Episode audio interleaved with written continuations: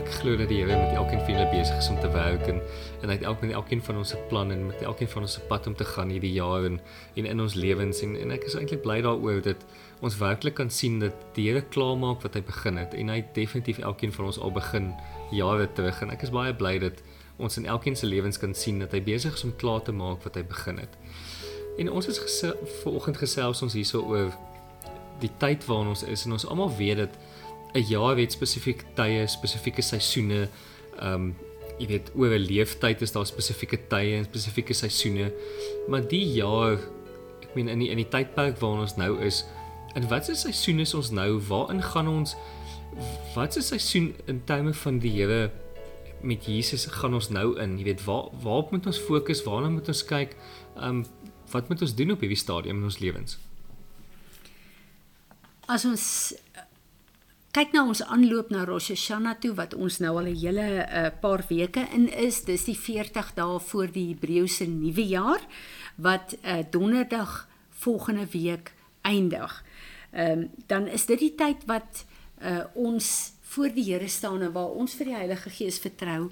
Ons is ook in 'n vas in, uh, elkeen vas op sy sy uh, spesifieke manier uh, waar ons die Here vertrou om vir ons te wys wat goed is in ons lewe, wat ons voor moet repent.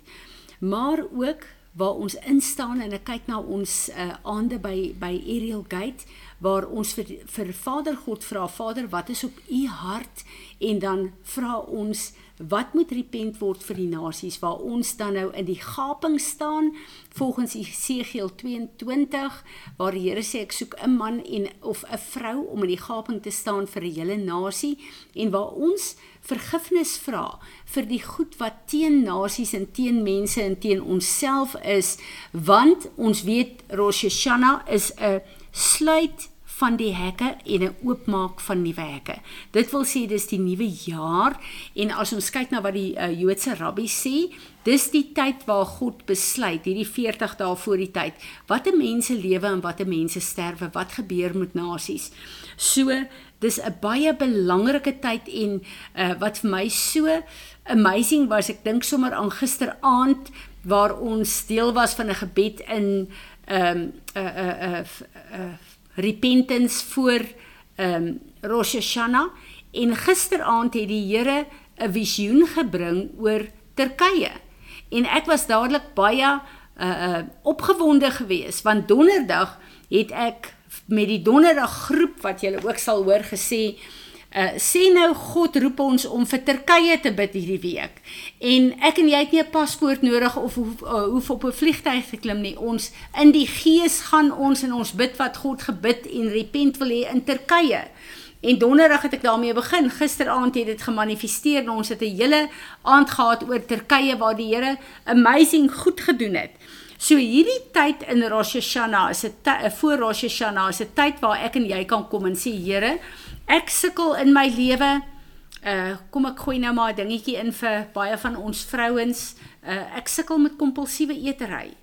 Ehm um, hier is iets wat ek wil repent maar ek wil u vasgryp.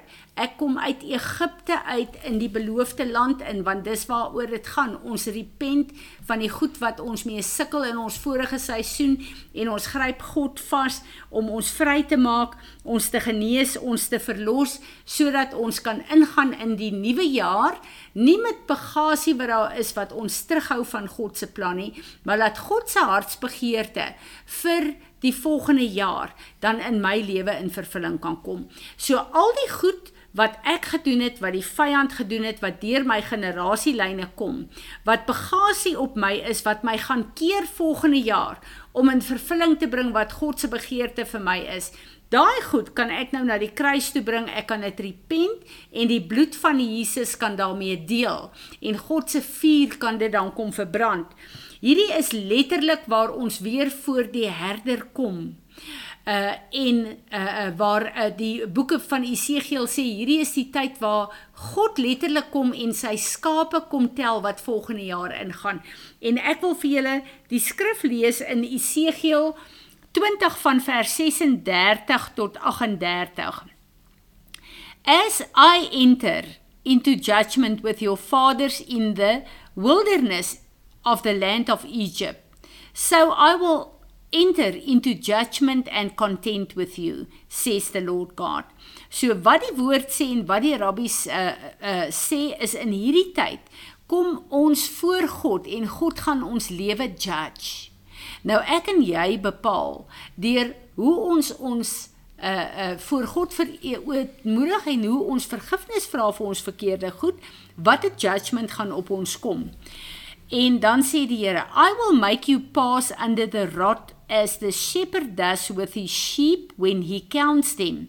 And I will count you as mine and constrain you and bring you into the bond of covenant to which you are permanently bound. And I will separate you from the rebels and those who transgress against me. I will bring them out of the land where they temporarily live but they will not enter the land of Israel. Thus you will know without any doubt that I am the Lord. So in hierdie tyd bied het ons nou die voorreg om voor God te kom en vergifnis te vra vir die verkeerde goed sodat wanneer hy ons lewe judge met Rosh Hashanah wanneer die nuwe hekke vir die seisoen oopgemaak word ons 'n goeie judgment sal hê. Dat daar nie goed van ons verlede is wat ons terughou wat ons te file nie. En wat die Here eintlik sê met uh, Rosh Hashanah is ek tel vir Fransie sy's myne sy gaan deur as my kudde in hierdie nuwe seisoen. Is dit nie 'n wonderlike tyd wat die Here vir ons daar stel elke jaar om te deel met die goed wat ons terughou nie. So as ons as kinders van die Here verstaan waaroor hierdie tyd gaan, dan het ek en jy letterlik tyd om 'n bestek opname van ons lewe te doen om die goed wat verkeerd is te laat staan om in te gaan op 'n goeie nuwe plek waar God se begeertes vir my en my lewe in vervulling kan kom. Ehm uh, dit is net eenvoudig so 'n plek waar ek en jy moet fokus en geforseer word met wat is in my lewe, wat is in my lewe uh, verkeerd. En die verkeerde wat daar is, het ons die voorreg om die bloed van Jesus te hê om ons skoon te was sodat wanneer daai hekke oopgaan, ek en jy onder die raad van die skaapwagter, ons herder kan deurgaan en sê ek tel haar, sy's myne, sy's deel van my kudde in hierdie nuwe jaar.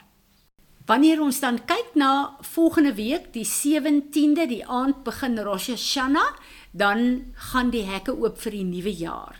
En dan kom jy dalk daar en jy sê nou vir my o land, maar daar's nog goed wat ek graag mee wou gedeel het. Nou is eh, is eh, Rosh Hashanah hier en nou sit nou verby wat nou. Wanneer die hekke oopgaan met Rosh Hashanah. Dan is daar, hulle noem dit the 10 days of awe, the 10 days of atonement. Dis die tyd waar daar met erns gesê word, hierdie 10 dae is die laaste 10 dae voor die nuwe jaar oopgaan en die hekke van die verlede toegaan. Hulle noem dit the 10 days of awe. Dit is die tyd wat ek en jy finaal kan besluit om te deel met wat reg en verkeerd is in ons lewe. En dan word die hekke toegemaak na daai 10 dae. 10 is ook wonderlik as jy dink dit is 'n plek van completion. 10 is ook 'n bydin wat in die Joodse 'n raad is, 'n government van die Here is waar jy voor hierdie raad verskyn en dan uh, die die die uh, finale judgment van daai raad is dan ja en amen. Dis dan volledig, daar kan niks daaraan verander word nie. So na daai 10 dae is dit Yom Kippur en ek sal volgende week daaroor praat want ek het hierdie jaar 'n dringendheid wat die Here met ons wil deel oor Yom Kippur. En Yom Kippur uh, sal die aand van die 27ste tot die aand van die 28ste September wees en daai aand gaan ek vir almal wat verbind is aan Peres sê Asseblief dis die heiligste dag wat God gestel het in sy kalender, maar dis die dag waar ons in 'n vas ingaan vir 24 uur net met water en waar ons sê Here, ons kom en ons kom verootmoedig ons totaal voor U. Dit word as 'n Sabbatdag her, uh, hanteer ook waar jy jou afsonder in daai dag in God se teenwoordigheid. En daai aand van die 28ste gaan die hekke finaal toe met Yom Kippur. Dit is die tyd wat die hoëpriester, hulle reken dit was net 15 minute in tyd in die allerheiligste kon ingaan waar God besluit het oor die volgende jaar vir Israel.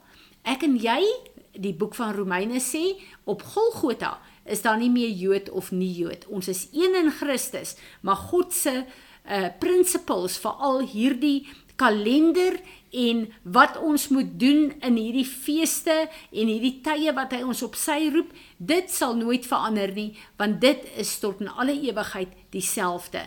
Dit het niks te doen met Jode nie. Ons het geleer hoe dit gewerk het in Israel, maar ek en jy, dit is nie Jood of nie Jood nie, dis in Christus tot in alle ewigheid. So hierdie tyd is baie belangrik, maar ons sal volgende week praat oor Yom Kippur.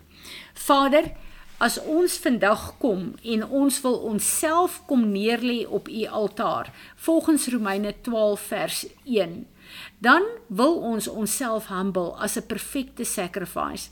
'n Perfekte sacrifice wat beteken ons lê alles neer en ons laat toe dat u begeertes, u planne, u roeping vir ons lewe na vore kom. Here, ons kan op hierdie plek niks doen nie. Ons kan onsself net voor u verootmoedig die bloed in die kruis van Jesus aangryp en vir u vra vir genade vergewe ons asseblief maar ek bid Here elke plek waar ons mislei is in onsself waar daar weggesteekte sonde en verkeerde patrone in ons lewe is Here wat ons nie raak sien nie bring dit na die oppervlak sodat ons vergifnis kan vra en sodat ons deur hierdie tyd kan gaan waar u ons stel as deel van u kudde en waar hierdie nuwe jaar wat oopgaan 'n jaar gaan wees waar ons vir u plesier gaan bring en waar u naam verheerlik gaan word in en deur ons lewe. Here Jesus, ons kan op hierdie plek nie staan as dit nie is vir u volmaakte offer op Golgotha nie. Amen.